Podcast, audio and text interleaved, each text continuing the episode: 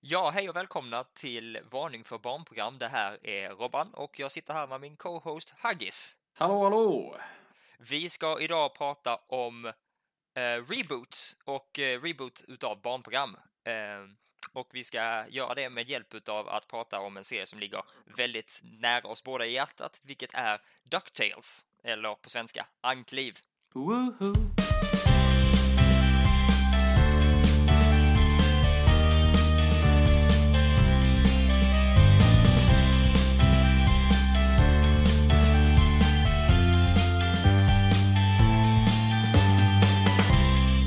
Kan filmsången, jag kan den, vi alla kan den. Börja nynna på den, precis som du gjorde din jävel.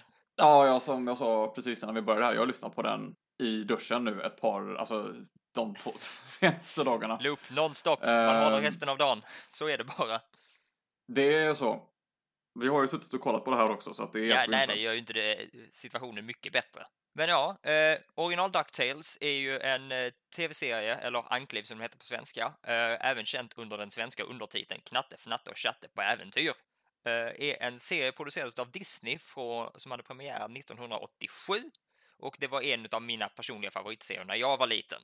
När Disney 2015 annonserade att de skulle göra en reboot var jag till början väldigt skeptisk. Dels för Disneys reboots i sig inte är sådär den bästa utav dem och för att reboots i allmänhet har bara fått ett väldigt dåligt rykte de senaste 5-10 åren. Som så här så jag var ändå positivt överraskad utav DuckTales eh, som senare släpptes 2017. Flertalet ändringar gjordes, dessvärre vissa bra, vissa mindre och något bara väldigt annorlunda. Men det är fortfarande svårt, har vi båda två upptäckt när vi gjorde research för det här avsnittet, att hitta negativ feedback för serien, eller hur?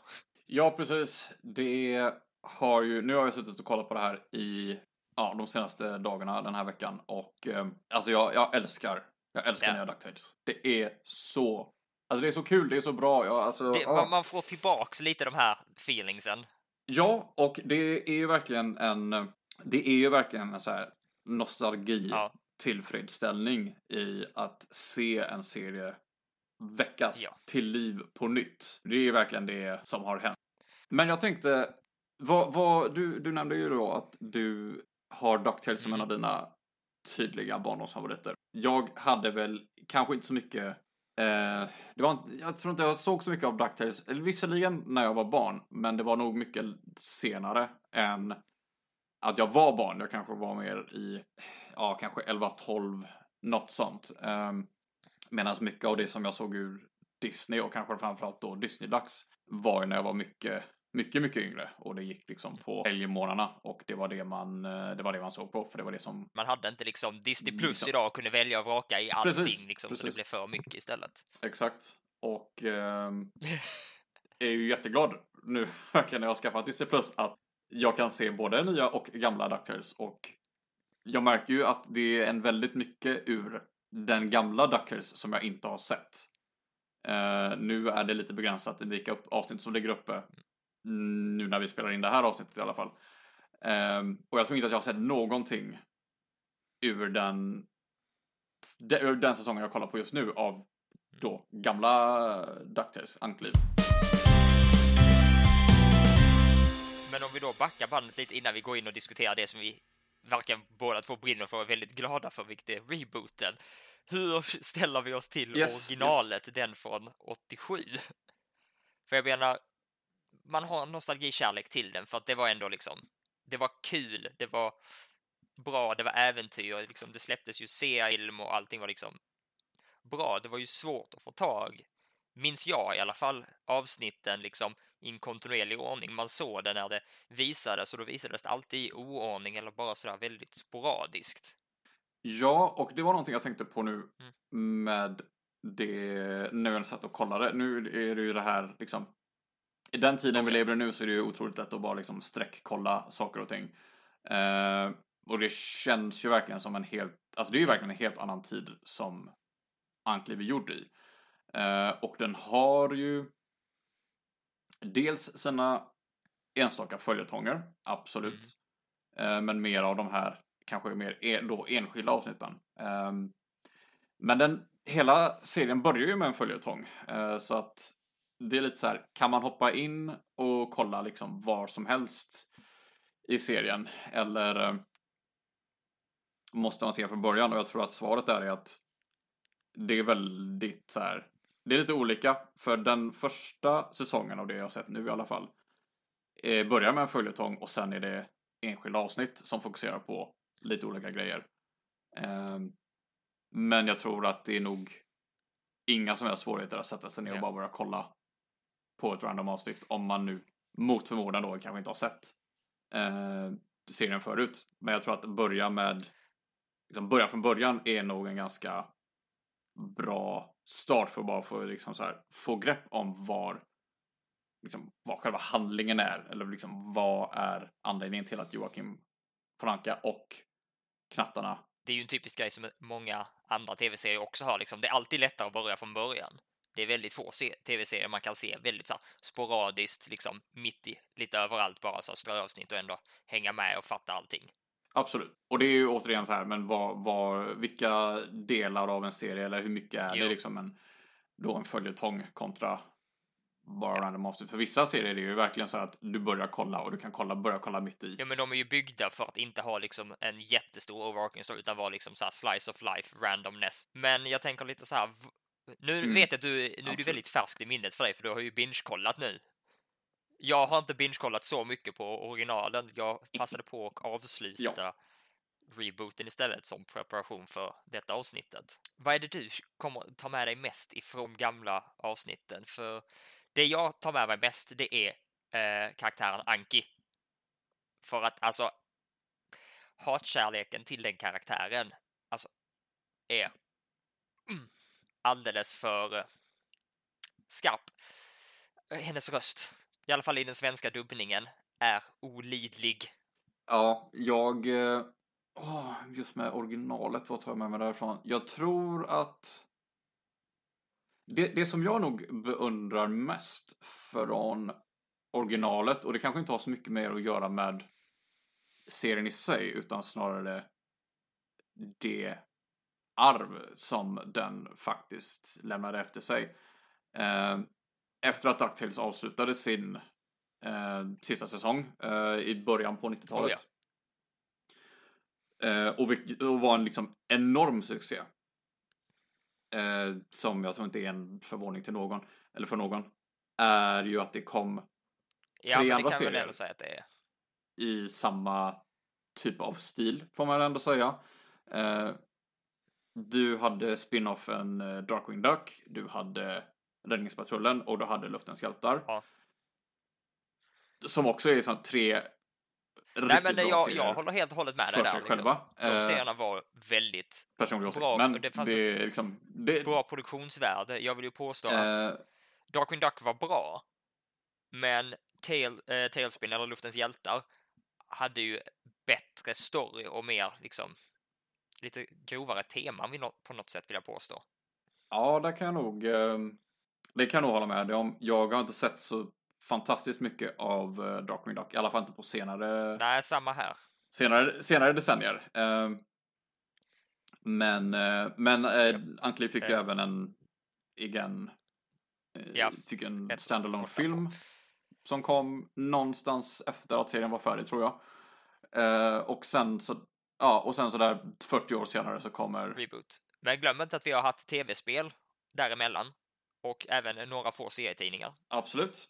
Det, det är sant. Alla som är retrospelsfantaster har, känner ju till DuckTales eh, till SNES, tror jag det var. Super Nintendo. Uh, SNES vet att det, jag vet att det fanns till eh, Game Boy också. Ja, men det Eh, är- det var det jag hade det på. Men det är väl i stort sett samma spel. Men ja. det, det är eh, SNES-porten, tror jag. Yes. Jag är inte så insatt i retrospel på det sättet. Jag vet bara att jag spelade och jag tyckte om det. yes. Med det sagt så tror jag att om, nu när jag suttit och kollat på eh, på Ankliv då, den, den gamla, det, vi kan göra en förtydligning där. När vi pratar om Ankliv pratar vi om originalet, när vi pratar om DuckTales pratar vi om rebooten. Yes. Eh, så när jag kollar på Ankliv så får jag verkligen den här känslan av att det här är ju verkligen så här väldigt typiskt barnprogram. Mhm. Det är väldigt typiskt barnprogram för sin tid. Eh, någonting som jag tror vi kommer att se en del av eh, ju längre den här podden håller på. Ja. Men det är verkligen just bara i själva stilen för Ankliv så är det verkligen de här jag vill, jag vill säga alltså de typiskt serietidnings sti- Ja men verkligen. Ja, För men, jag, jag tror du pratar nu om, eh, du pratar nu om karaktärerna i sig och inte själva liksom stilen som i utseendet på serien. Utan, okej. Ja, både och.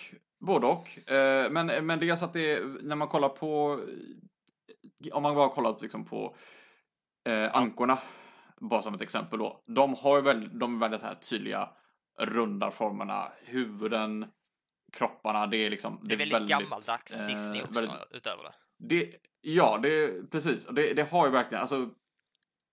Jag kan ju inte säga att tecknarstilen är dålig. Men den är väldigt förlegad. Och det känns väldigt Den är förlegad med dagens mått. Mm. Absolut, och det är inte med sagt att det är, som sagt, det är inte dåligt. Det känns bara att det är en gammal, Ja. eh, en gammal serie. Det är en produkt av sin tid liksom. Absolut, och det kommer ju även tillbaks, alltså det är ju i karaktären också. Det är verkligen väldigt tydligt att karaktärsutveckling var ju liksom inte en grej. Nej, nej, nej, nej, du hade din arketyp och du stannade i den lådan Ja, liksom. ja. Och, eh, och det är, nu när jag har sett både DuckTales och Ankliv så är det ju övertydligt att knattarna i Ankliv är ju liksom, de är samma person. Ja, ja, det är väldigt Det, det, är tydligt. sam, det är samma person, bara att de är fler än en. Eh, och alla karaktärer som det är fler än en av, Björnligan är ju väldigt typiskt exempel. De är också väldigt, de har lite så här små skillnader. Men de är mer eller mindre. Men i stort sett, ja men i mer eller mindre så är de exakt samma eh, karaktärer. Och de har ofta ju samma exakt samma sak. röstskådespelare också. I Eh. alla fall vet jag i den svenska, vilket är den versionen jag kommer ihåg och den jag har sett mest utav. Det var mer eller mindre samma röstskådespelare till nästan alla karaktärer. Alltså som var då liksom samma, knattarna hade samma Ja, jag eh, tror att röstskådespelare. Jag tror majoriteten utav Björnligan hade samma röstskådespelare. Eh, knattarna har knattarna och eh, Anki, eller Webby som hon heter på engelska då. Eh, som att det är det jag har valt att kolla på de här programmen i. På senare tiden i alla Ja. fall. De har ju samma röstskådespelare också.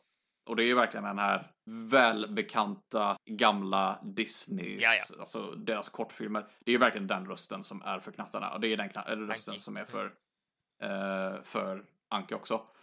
Och ehm, det, Ja. det är som du säger, det är, det är lite svårt att lyssna på. Men det tror jag också är Eh, lite efter- för, dels efter i kombination med Eh. rösten, men också hennes alltså, karaktär i sig, för hon är väldigt stereotypisk, liksom, token girl-karaktär för den tidsperioden när serien skapades.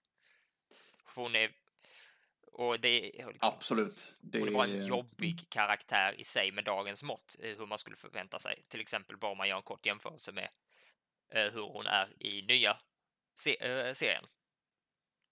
Mm. En annan grej som jag tänkte på också när jag kollade var att väldigt mycket, visst är det liksom, det är de här typiska stereotyperna Ja. för barnprogram och för karaktärerna. Mm, och det, en annan grej som jag tänkte på också var att väldigt mycket av humorn, i, i alla fall i Ankliv, känns som att det Ja. väldigt mycket hänger på slapstick. Men det gör nog mer också att Eh, det betyder liksom att det är så mer här- riktat för barn, Ja, men- för att det är en humor som är enkel för barn att förstå. Absolut. Det, ja, men det, och det känns väldigt, också så här väldigt tidstypiskt och ehm, som du säger, det är väldigt riktat mot barn. Det är lätt att skratta åt någon som Mm.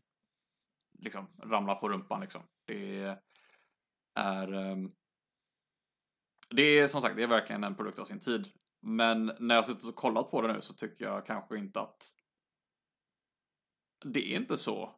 Alltså det, visst att jag inte, kanske inte haft samma eh, samma vad man då kan kalla för eh, samma koppling, samma nostalgikoppling till den, även om jag har sett Ja.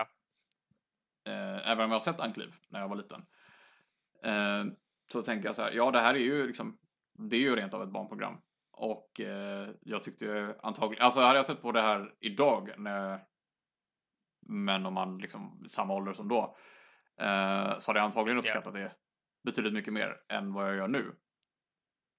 Med det sagt så uppskattar jag det fortfarande för att det är kul. Jo, men alltså det det är är, det. det Jag är lättsamt, det är roligt. Jag har lite liknande samma känslor till det. Eh, Men om vi då liksom börjar sakta oss glida över lite mot rebooten och röra oss framåt i tiden.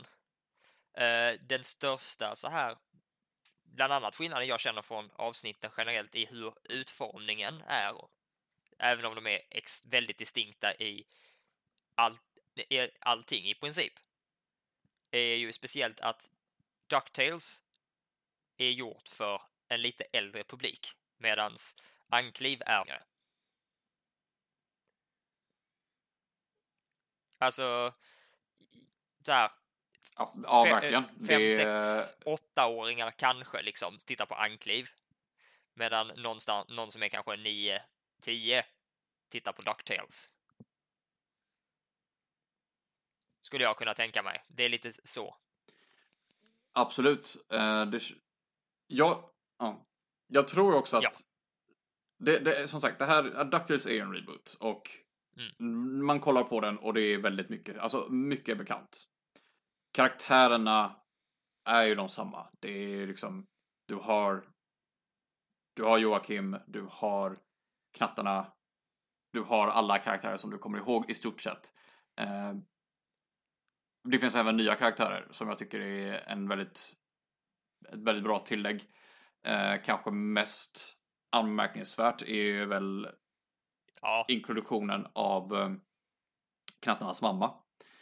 Som vart alltså det, och ett det mysterium inte för exklusivt för DuckTales alla vem egentligen knattarnas mamma är. Och eh, det här. liksom introduktionen till henne, det är ju stort för hela liksom, kan vi kalla det liksom Anke Boniverse, liksom. Della Duck har ju varit liksom, vi har vetat hennes namn men vi har inte vetat riktigt hur hon Ja, ser ut, absolut. vad hon är, vem hon är eller någonting sådant. Vi har bara liksom fått höra namnet flertalet gånger, men inte mer. Nej. Nej, precis. Eh, och det, det är väl inte, alltså nu har jag ju, jag vet att det kommer, jag har inte kommit så långt i serien själv, jag vet att det kommer. Eh, men jag ser otroligt mycket fram emot det. Och det är bara så här, bara i första avsnittet så avslutar de med att droppa De gör en rätt så Liksom så tydlig foreshadowing redan där. eh, faktumet att hon kommer antagligen Men om vi då rör oss nu in i liksom rebooten. Eh, Verkligen. hur känner du för det? Nu lägger jag allting bara på dig här nu, hur du känner, men jag lovar att fylla i eftersom att du se- senast liksom har upplevt det för nytt. Jag har ju följt det till och från lite sedan när det släpptes 2017 Sure. liksom. Så här, när säsongen har släppts så har jag lyckats se den på olika sätt och komma över den och fortsatt liksom hållit mig uppdaterad under vägens gång. Så jag har ju varit med hela resan. Du får ju allting nu serverat direkt. Jag vet, och jag älskar rebooten. Jag älskar DuckTales. Det är så roligt att kolla på. Det Jag vet inte, alltså jag tror, och jag tror inte ens att det är mest så här bara nostalgikänslan. Men det finns så mycket mer och de har gjort så många förbättringar Oh, ja, i definitivt. DuckTales kontra Ankliv. Och det, det absolut viktigaste skulle jag säga där är verkligen karaktärernas personligheter. För nu har de, nu har de personligheter. Eh, mer än bara att vi är knattar och eller Joakim är snål. Vilket egentligen inte så mycket är av i varken Ankliv eller DuckTales. Det är liksom, man vet att Joakim Branca är snål. Mm. Men det är, liksom, det är inte det det handlar om. Det är, liksom, det är en av hans personlighetsgrejer. Men det är själva äventyret som är centralt, både alltså, över, Ja, i serien överlag. Alltså det är det allting handlar om i stort sett. Och ehm, men jag är så glad att knattarna har personligheter. Och det, kän, det känns dumt att liksom sam, alltså säga att det är knattarna, för nu, liksom, nu är de inte De har olika nu är de läge inte också. knattarna längre. Nu är de knatte, fnatte och chatte.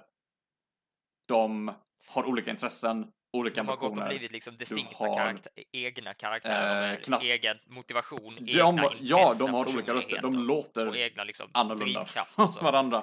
Connectar Eh, dem till storyn och till sina bröder. Alltså de känns mer som tre syskon på riktigt än liksom bara så här en klump som var, är liksom knattarna.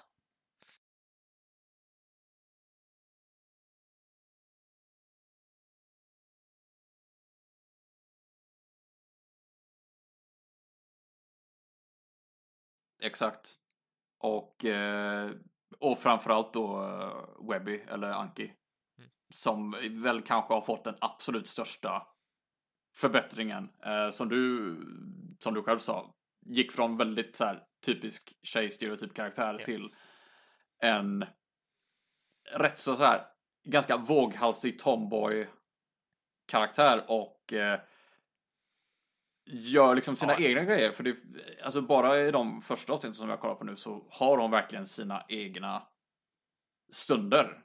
Där hon gör sin grej, hon går ut och utforskar världen runt omkring henne. För hon har ju verkligen varit, det, man får ju det ganska tidigt att hon har liksom varit liksom väldigt så här ensam och inst, instängd får man ändå säga. Men hon har ju liksom gjort samma saker hela tiden och hennes sociala skills är kanske Ja. inte på topp.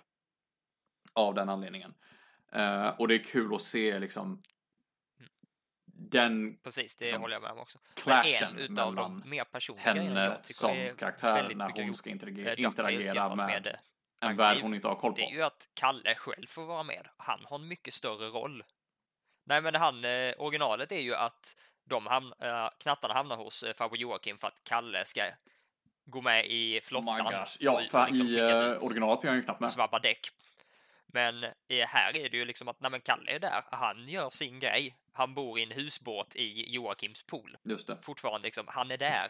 Han är en del utav familjen. Han är en del utav äventyren ändå. Ja, och han har ju verkligen... Ja, ja, det är han ju fortfarande. Ja, men absolut, han är med och han har ju liksom förvisso mer så här. Han är ju verkligen, alltså, nog för att han är med, men han är ju en sidokaraktär Ja, i det, det här. Det är ju, det, är, det kretsar ju fortfarande kring, eh, Nej, kring Joakim och knattarna och framförallt liksom de äventyren de åker iväg Mm. på. Men eh, de är ju sällan själva Ja. på, på de äventyren. Det är ju, alltså nu är ju Launchpad eller eh, Sigge som han heter på svenska. Eh, Ja. mycket mer. är ju med i näst, eh, in- inte i allting men väldigt mycket. Och eh, Och sen träffar de ju alltid någon att, på sina äventyr som är en att Webby karaktär följer med för det äventyret. är också mycket mer ofta. än, Eller så eh, än vad det var Dyker någon klassisk Eh, gammal, eh, vad heter det, ja, fiende till Joakim upp. Precis. Jaha, Det var faktiskt en grej jag tänkte eh, kolla med dig nu när jag har sett första säsongen eller delar av den. Vad tycker du om den nya skurken?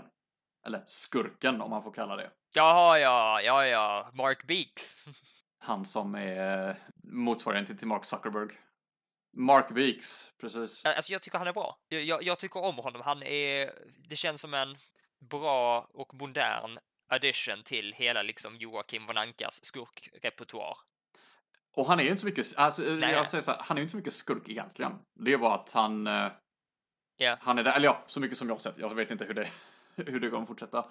Men, eh, men det är verkligen så här, Ja. det nej, moderna han kanske inte så mycket tillskottet. skurk. Han är mer bara så här Och, eh, rival till Joakim. För han är en av de andra riktigt rika affärsmännen i Ankeborg. right. Han är ju Joakim är liksom allting typ, och, men han är ju specifik teknik så han ska ju vara en representation av vårt tekniska samhälle. Liksom. Han representerar Microsoft, Google, Apple och alla de här stora teknikjättarna i ett och samma Mm. företag. Plus att han är influencer. Ja, han är, eller vill vara influencer och liksom är Ja, men det, det the cool eh, liksom designer web developer dude liksom. Han försöker vara ja, den. visst. Eh, och en annan karaktär som kommer till, som jag också så här, blev lite så här tagen, för jag, var inte, jag, jag såg inte det, Nej. att det skulle komma, men det var ju den nya karaktären som blir Webbys kompis, eh, Lina, Ja. eller Lena. Som dyker upp så här, en helt ny karaktär, utan tidigare så här. Och det kommer fler sådana karaktärer kan jag säga som är väldigt I- välskrivna. Ooh. Eh, men det, men det Mm. finns ju en twist för hennes del. Ehm, som jag inte, som jag sagt, Nej. I didn't see it coming. Eh, men när jag såg det var så här. Okej, this is gonna get good. De, de har eh, i rebooten gått in lite mer med storytellingen och liksom verkligen så här flashat ut alla karaktärerna på ett eller annat sätt så de inte längre är sina klassiska stereotyper som de var i de gamla. Det jag gillar är ju också att i nya DuckTales så får du mer förklaringar till alla liksom villains och karaktärer till varför lite mer de är som de är. Vad som har hänt i deras eh, historia, vad deras relation till specifikt då Joakim är och varför de inte tycker om Joakim.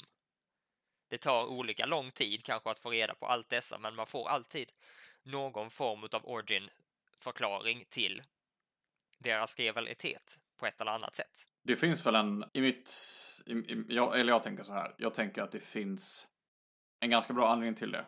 Och det är väl främst för att när, ja.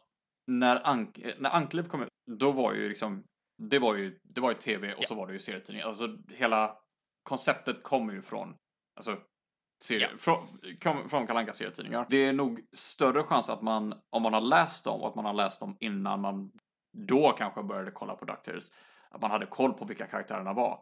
Det kommer ju inte i...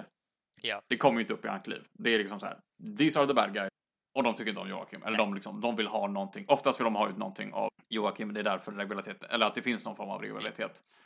Medans det liksom nu är kanske bättre att introducera eh, eller återintroducera de här andra karaktärerna. Eh, och kanske då framförallt the baddies ja. som man kanske inte har superkoll på eller jättebra minne av. Eller alltså, alla är ju välkända ansikten. Förutom Mark Beeks. Ja. Men... Eh... Jo, men det, det har, tror jag, lite med att göra med liksom hela Disneys nya, lite... Jag vill inte kalla det riktigt affärsstrategi, men det är ett återkommande liksom, tema vi har sett i allting Disney producerar nu. Alltså Kalanka och Musse Pigg och de här är inte Disneys frontfigurer på samma sätt längre som det var när vi växte upp. Eftersom att Disney nu har växt och blivit en sån jättemediakoncern så har de ju så mycket annat istället. Så att det är inte bara liksom Kalanka, Nalle Puh och Musse Pigg. Och det är ju det att den här scenen har ju fått återintroducera all så här, kan vi kalla det all gammal kalanka lore för oss liksom för en ny publik. Ja, äh, ja, antar det. Alltså, och liksom så här ändå i, och i stil med vad eh, Disney gör med många av sina andra filmer och grejer är att jag menar, nu tar jag liksom Maleficent och Cruella som kommer också ha biopremiär ja, premiär snart. Där de liksom ger origin stories och backstories till sina villains och förklaringar till varför de är som de är.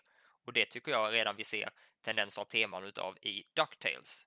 Vilket går ihop med lite med hur Disney väljer att hantera liksom sin repertoar av karaktärer de redan har.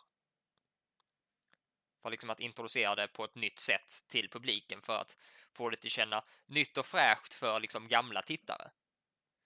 För jag menar Ducktails nu. Alltså många som såg det när det kom 87. De har ju hunnit växa upp idag och kanske skaffat, e, vissa har skaffat egna barn som är i en lagom ålder för att se det.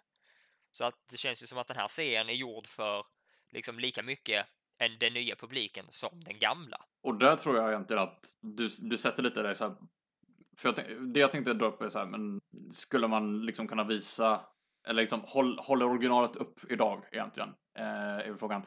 Och, eller snarare så här, är, är rebooten någonting som man kan rekommendera att andra kollar på och det tror jag verkligen. Jag håller definitivt med. Att eh, för det är verkligen så här, som, som vi nämnde lite i början, det är verkligen nostalgikänslan.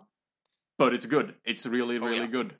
Och eh, jag tror att, jag tror oavsett om man har sett eh, ja. Antliv som liten eller liksom vad man har för, eh, kanske, ja, det kanske tilltalar mer dem. Tyckte om originalet? Så, ja, absolut. Eh, och det, men jag tror fortfarande att det finns, liksom, det, det finns någonting för både äldre och yngre tittare.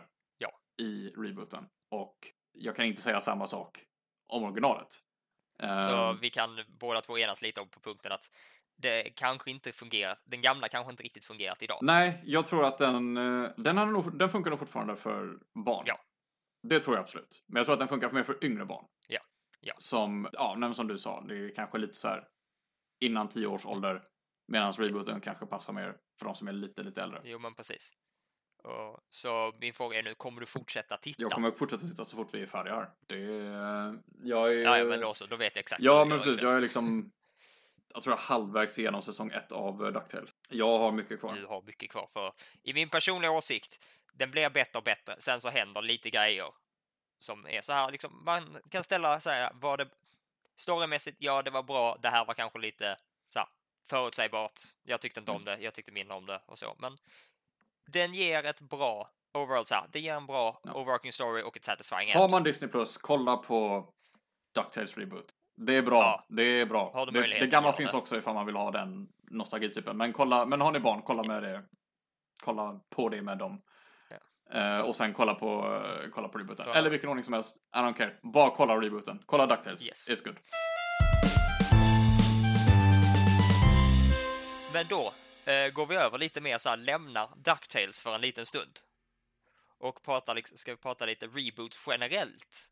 För jag menar, det här med DuckTales eh, är ju inte att det får en reboot flera år efter originalet.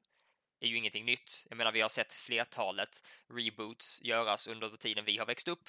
Så jag är så här i förberedelse för detta nu tänkte så här att vi ska köra ett litet eh, gissnings, gissningsspel Alright av de här många barnprogrammen som var populära när vi växte upp, kan du gissa vilken som är en av de mest rebootade barnprogrammen någonsin? Du kan få en hint. Den är en gammal, gammal tv-serie som kom redan på 70-talet och sändes väldigt mycket på Cartoon Network. Ja, det underlättar ju inte att man inte haft eh, Cartoon Network när man var liten. och eh, de flesta som jag bara kommer att tänka på. Alltså när jag, när jag tänker Cartoon Network tänker jag mycket eh, Hanna-Barbera. Och eh, Ja. där finns det ju en del. Men jag vet inte att det är så mycket där som har fått reboots kanske. Ehm, Men du är inne och eh, liksom sniffar på det, eh, för det är ju eh, Scooby-Doo som är en av de mest rebootade. det finns ju en del Scooby-Doo har man märkt. Men Ja, gisses. När kom? Sen är det ja. också så, är det en reboot i sig eller är det bara riktigt låtit serien dö och bara liksom med jämna mellanrum fortsatt producera nytt med ny teknik och sen allt eftersom bytet ut skådespelare? Ja, Så du... Ja, alltså det var lite så här. En grej som jag tänkte på innan vi började spela in det här avsnittet var ju, vad är skillnaden på en remake och en reboot? Och Ja. Vad är skillnaden? skillnaden som, nu har jag gjort lite forskning här, Oh, oh, oh. inte, prof, inte professionellt överhuvudtaget, men, eh, men jag bara kollade upp. Så, Du använde Google Foo. jag googlade för att få upp, eh, få upp mina svar, precis som alla andra gör. Eh, Men, men eh, det vi kan, ja, det jag har fått fram i alla fall är att en reboot är en ny gestaltning eller en, eh, en på något sätt så här omstart av en reboot. Eh, av ett existerande, alltså en existerande franchise, en serie, eh, filmer, vad som. Eh, där man återanvänder de karaktärer som finns, den världen som finns, men man gör någonting nytt med dem. Man berättar en ny story medans kanske mycket av karaktärsdrag och annat liknande hänger med, men att det, det förbättras, det görs liksom något nytt med det än att det bara är som det kanske då var med och liksom ankliv och antagligen till viss del med Scooby-Doo. Mm. Att det var liksom så här väldigt typiska stereotyp, eller ja, stereotypiska karaktärer och eh, karaktärsdrag. Medan det idag kanske är mer utvecklade karaktärer som kanske har liksom en utveckling under seriens gång. Mm. Och eh, medan en remake, eh, och där är ett väldigt tydligt exempel återigen för Disney är ju då bland annat deras eh, live action remakes. När de nu Ja. de senaste åren gjort eh, live action versioner av deras tidigare kända animerade filmer. Du har Lejonkungen, du har Skönheten och djuret. Eh, den senaste var väl Mulan tror jag. Ja, det är det. Och, eh, och det har ju kommit flera sådana. Och du var ju inne på det här också med eh, Maleficent och Cruella. Som också är, alltså ja, visst det är en ny story, men det är ju etablerade karaktärer sen, sen tidigare. Ja, och, det det. eh, och där är väl skillnaden då, att du gör om någonting, men det är fortfarande samma story, det är fortfarande samma karaktärer, det finns skillnader, men allting finns där. Allting du kommer ihåg finns där. Mm. Så där är skillnaden på reboot och remake. Och när det kommer till Scooby-Doo så kan jag egentligen inte säga så mycket eftersom att jag inte har varit up to date på, Nej. på det. Men eh, det känns ju mer som att de har, som du säger, gjort reboots snarare än remakes. Ja. För det är ju någonting nytt. Ja. Liksom. Jag kan säga, jag har inte heller sett så mycket av det de producerade i just Scooby-Doo-franchisen. Det senaste jag tittade på och kommer ihåg liksom så, det var ju när live action-filmerna släpptes. Ja, det var en bra tid sen.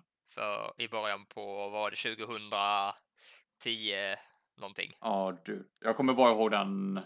Jag tror den enda som jag sett där är den första med eh, Rowan Atkinson. Som The Baddie. Ja. Jag har sett Men både det, ettan och tvåan. det är ju många år sedan. Ja. Eh, eh, men ja, det är det senaste liksom i det nya. Jag vet ju att de gjorde ju filmen nu, Scoob, som kom för något år Just det. sedan. det var en grej som hände. Eh, Typ förra året eller något sånt. Ja, jag tror den kommer så här under rådande pandemin. Också. Den, den är ju mer, om, mer eller mindre liksom en regelrätt reboot enligt den definitionen du nämnde. Interesting. Men eh, om vi då lämnar eh, klassisk Hanna Barbera för en liten stund. Eh, vilken tror du är en... Det det kan vara svårt att säga vilken som är den näst tvåa på listan här, men på min lista här efter min lilla snabb-googling så en av de mer rebootade serierna är ju någonting som jag vet att du och jag både i alla fall exponerats till när vi har haft våra gemensamma intressen, ska vi kalla det, när vi har varit på konvent, båda två, du och jag. Invol- Ja, Och det är ju invol- Ja, är, är det det? Är, Du vet, din reaktion säger mig Ja. att du redan vet antagligen. vilka det är jag talar Och jag om. kan inte säga någonting illa om det, men eh, jag har inte sett My Little Pony. Nej, Men jag vet ju att det... där har vi fått fyra lord. versioner utav. Och det är också mer regelrätta reboots och sedan ungefär 80-talet. Ja, också en väldigt gammal serie. Ehm, Senaste tror jag var 2012. Tror jag vi fick den nyaste varianten. Nu kommer säkert alla My Little Pony-fans skriva arga kommentarer till oss för att jag säger fel datum. Jag är inget själv ett jättestort fan av My Little Pony. Jag har sett det, jag erkänner. Jag har sett delar utav det. Men det är inte liksom... It's not really my thing. Det känns ju verkligen som en typisk, ja, alltså, och det, det, det är väl det som är liksom den stora så här, vad hände grejen med den att en serie som ändå får, ja, man får ändå säga att väldigt så här tjej, här- en väldigt så här, typisk tjejserie Mm. med liksom all, allt vad det innebär. Ehm, Vi kan väl formulera så här. Ja, men- Den hade en tilltänkt målgrupp. Bra sagt. Ja, den hade definitivt en tilltänkt målgrupp. Och jag vet inte hur mycket det har ändrats i den senaste, den senaste versionen. Men jag tvivlar ju på att det har gjorts så stor förändring att det ska försöka tilltala en All- ännu större publik. Ja. Eh, men det gjorde den ändå. Ja, precis. För det vi kan väl säga kort om det är väl bara att den tilltänkta målgruppen med rebooten utav den senaste versionen av My Little Pony var kanske inte den största målgruppen som latchade on till rebooten, om vi säger så.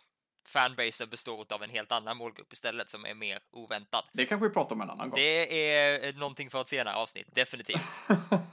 Eh, oh boy. Men för det sista här på min topp tre-lista utav reboots är en annan serie som också har fått väldigt många reboots under vår uppväxt.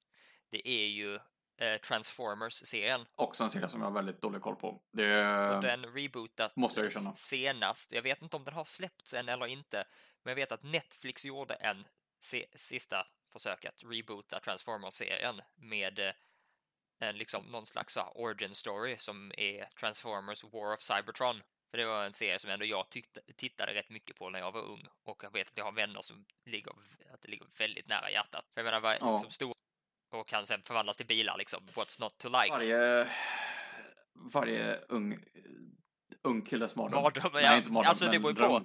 Mardröm, mardröm. Ja, alltså sitter man i bilen kanske inte är så kul. Nej, Men, eh, nej men också sådär, och som jag, som jag nämnde liksom förut, det finns ju så mycket som jag inte har som jag inte har sett eller som jag har missat. Och jag, liksom, jag, om du skulle fråga mig så här, vilka kanaler gick Transformers på? Ingen aning.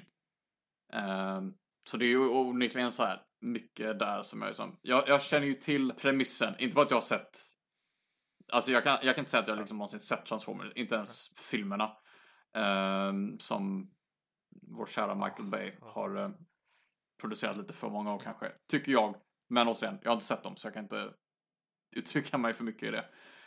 Men eh, men där också, alltså i liksom, motsatsen egentligen till My Little Pony, att också väldigt så här, tydlig Mm. tilltänkt målgrupp.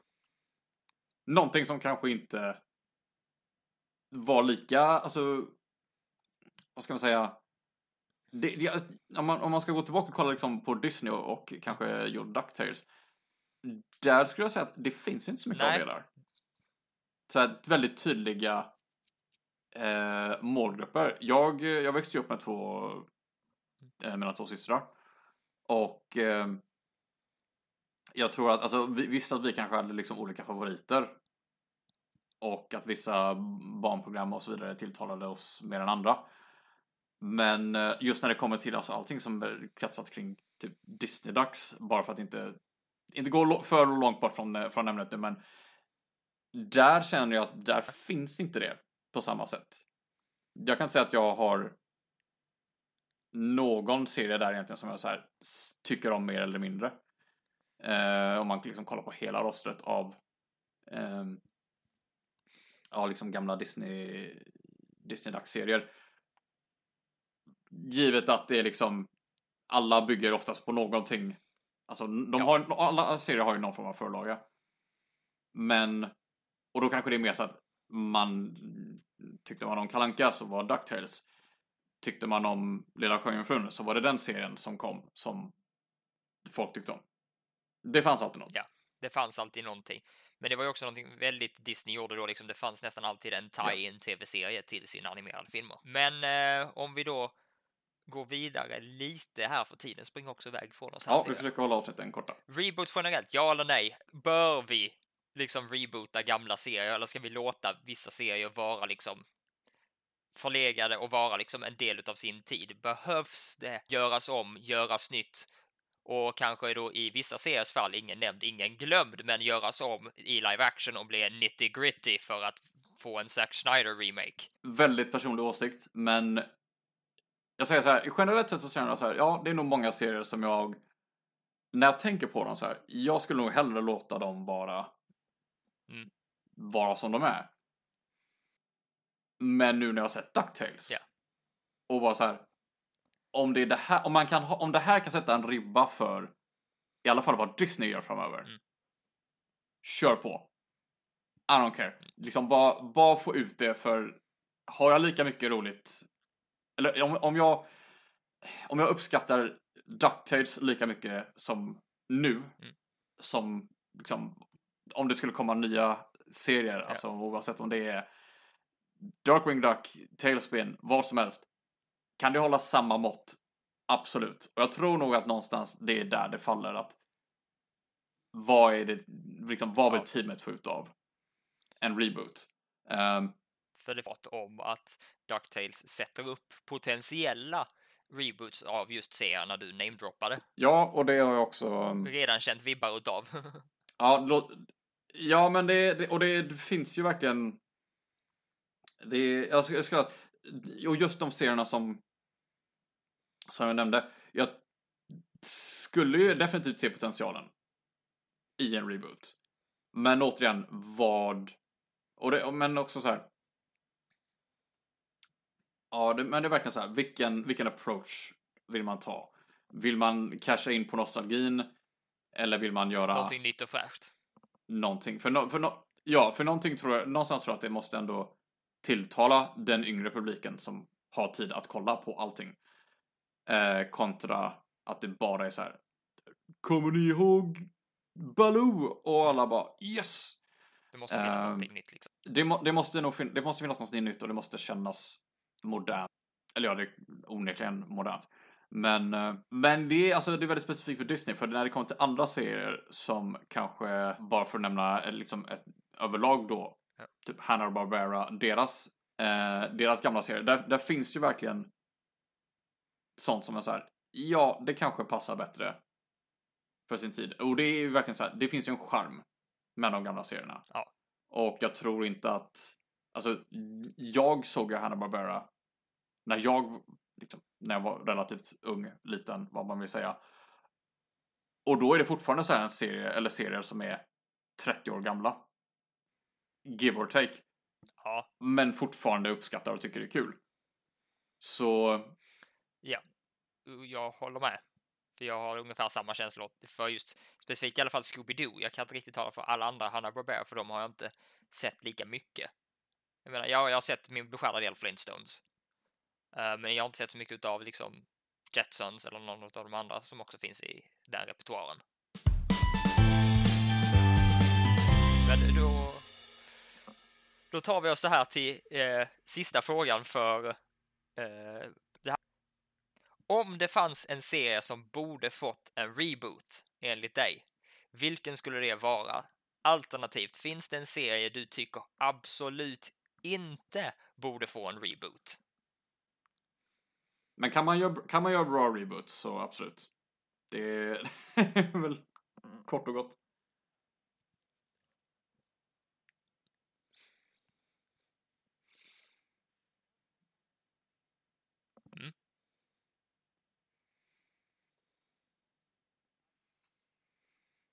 Oh ja.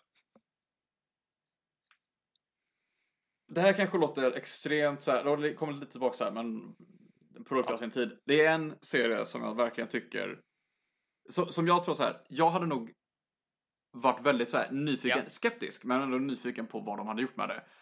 Eh, och det är Cartoon Network-serien Courage the Cowardly Dog. Eller Courage den hardiga hunden som på svenska. Eh, mest för att det är en väldigt speciell serie. Den är väldigt speciell och den skiljer sig riktigt rejält från mycket av det andra som visas på Cartoon Network. Som jag kommer ihåg i alla fall. Uh, så jag hade varit nyfiken på att se hur hade de gjort en sån serie idag. Uh, och jag tror att Nej, alltså, alltså jag kan inte säga att det liksom nödvändigtvis, nödvändigtvis finns potential. Men jag hade varit fett nyfiken på att se vad de hade gjort med det.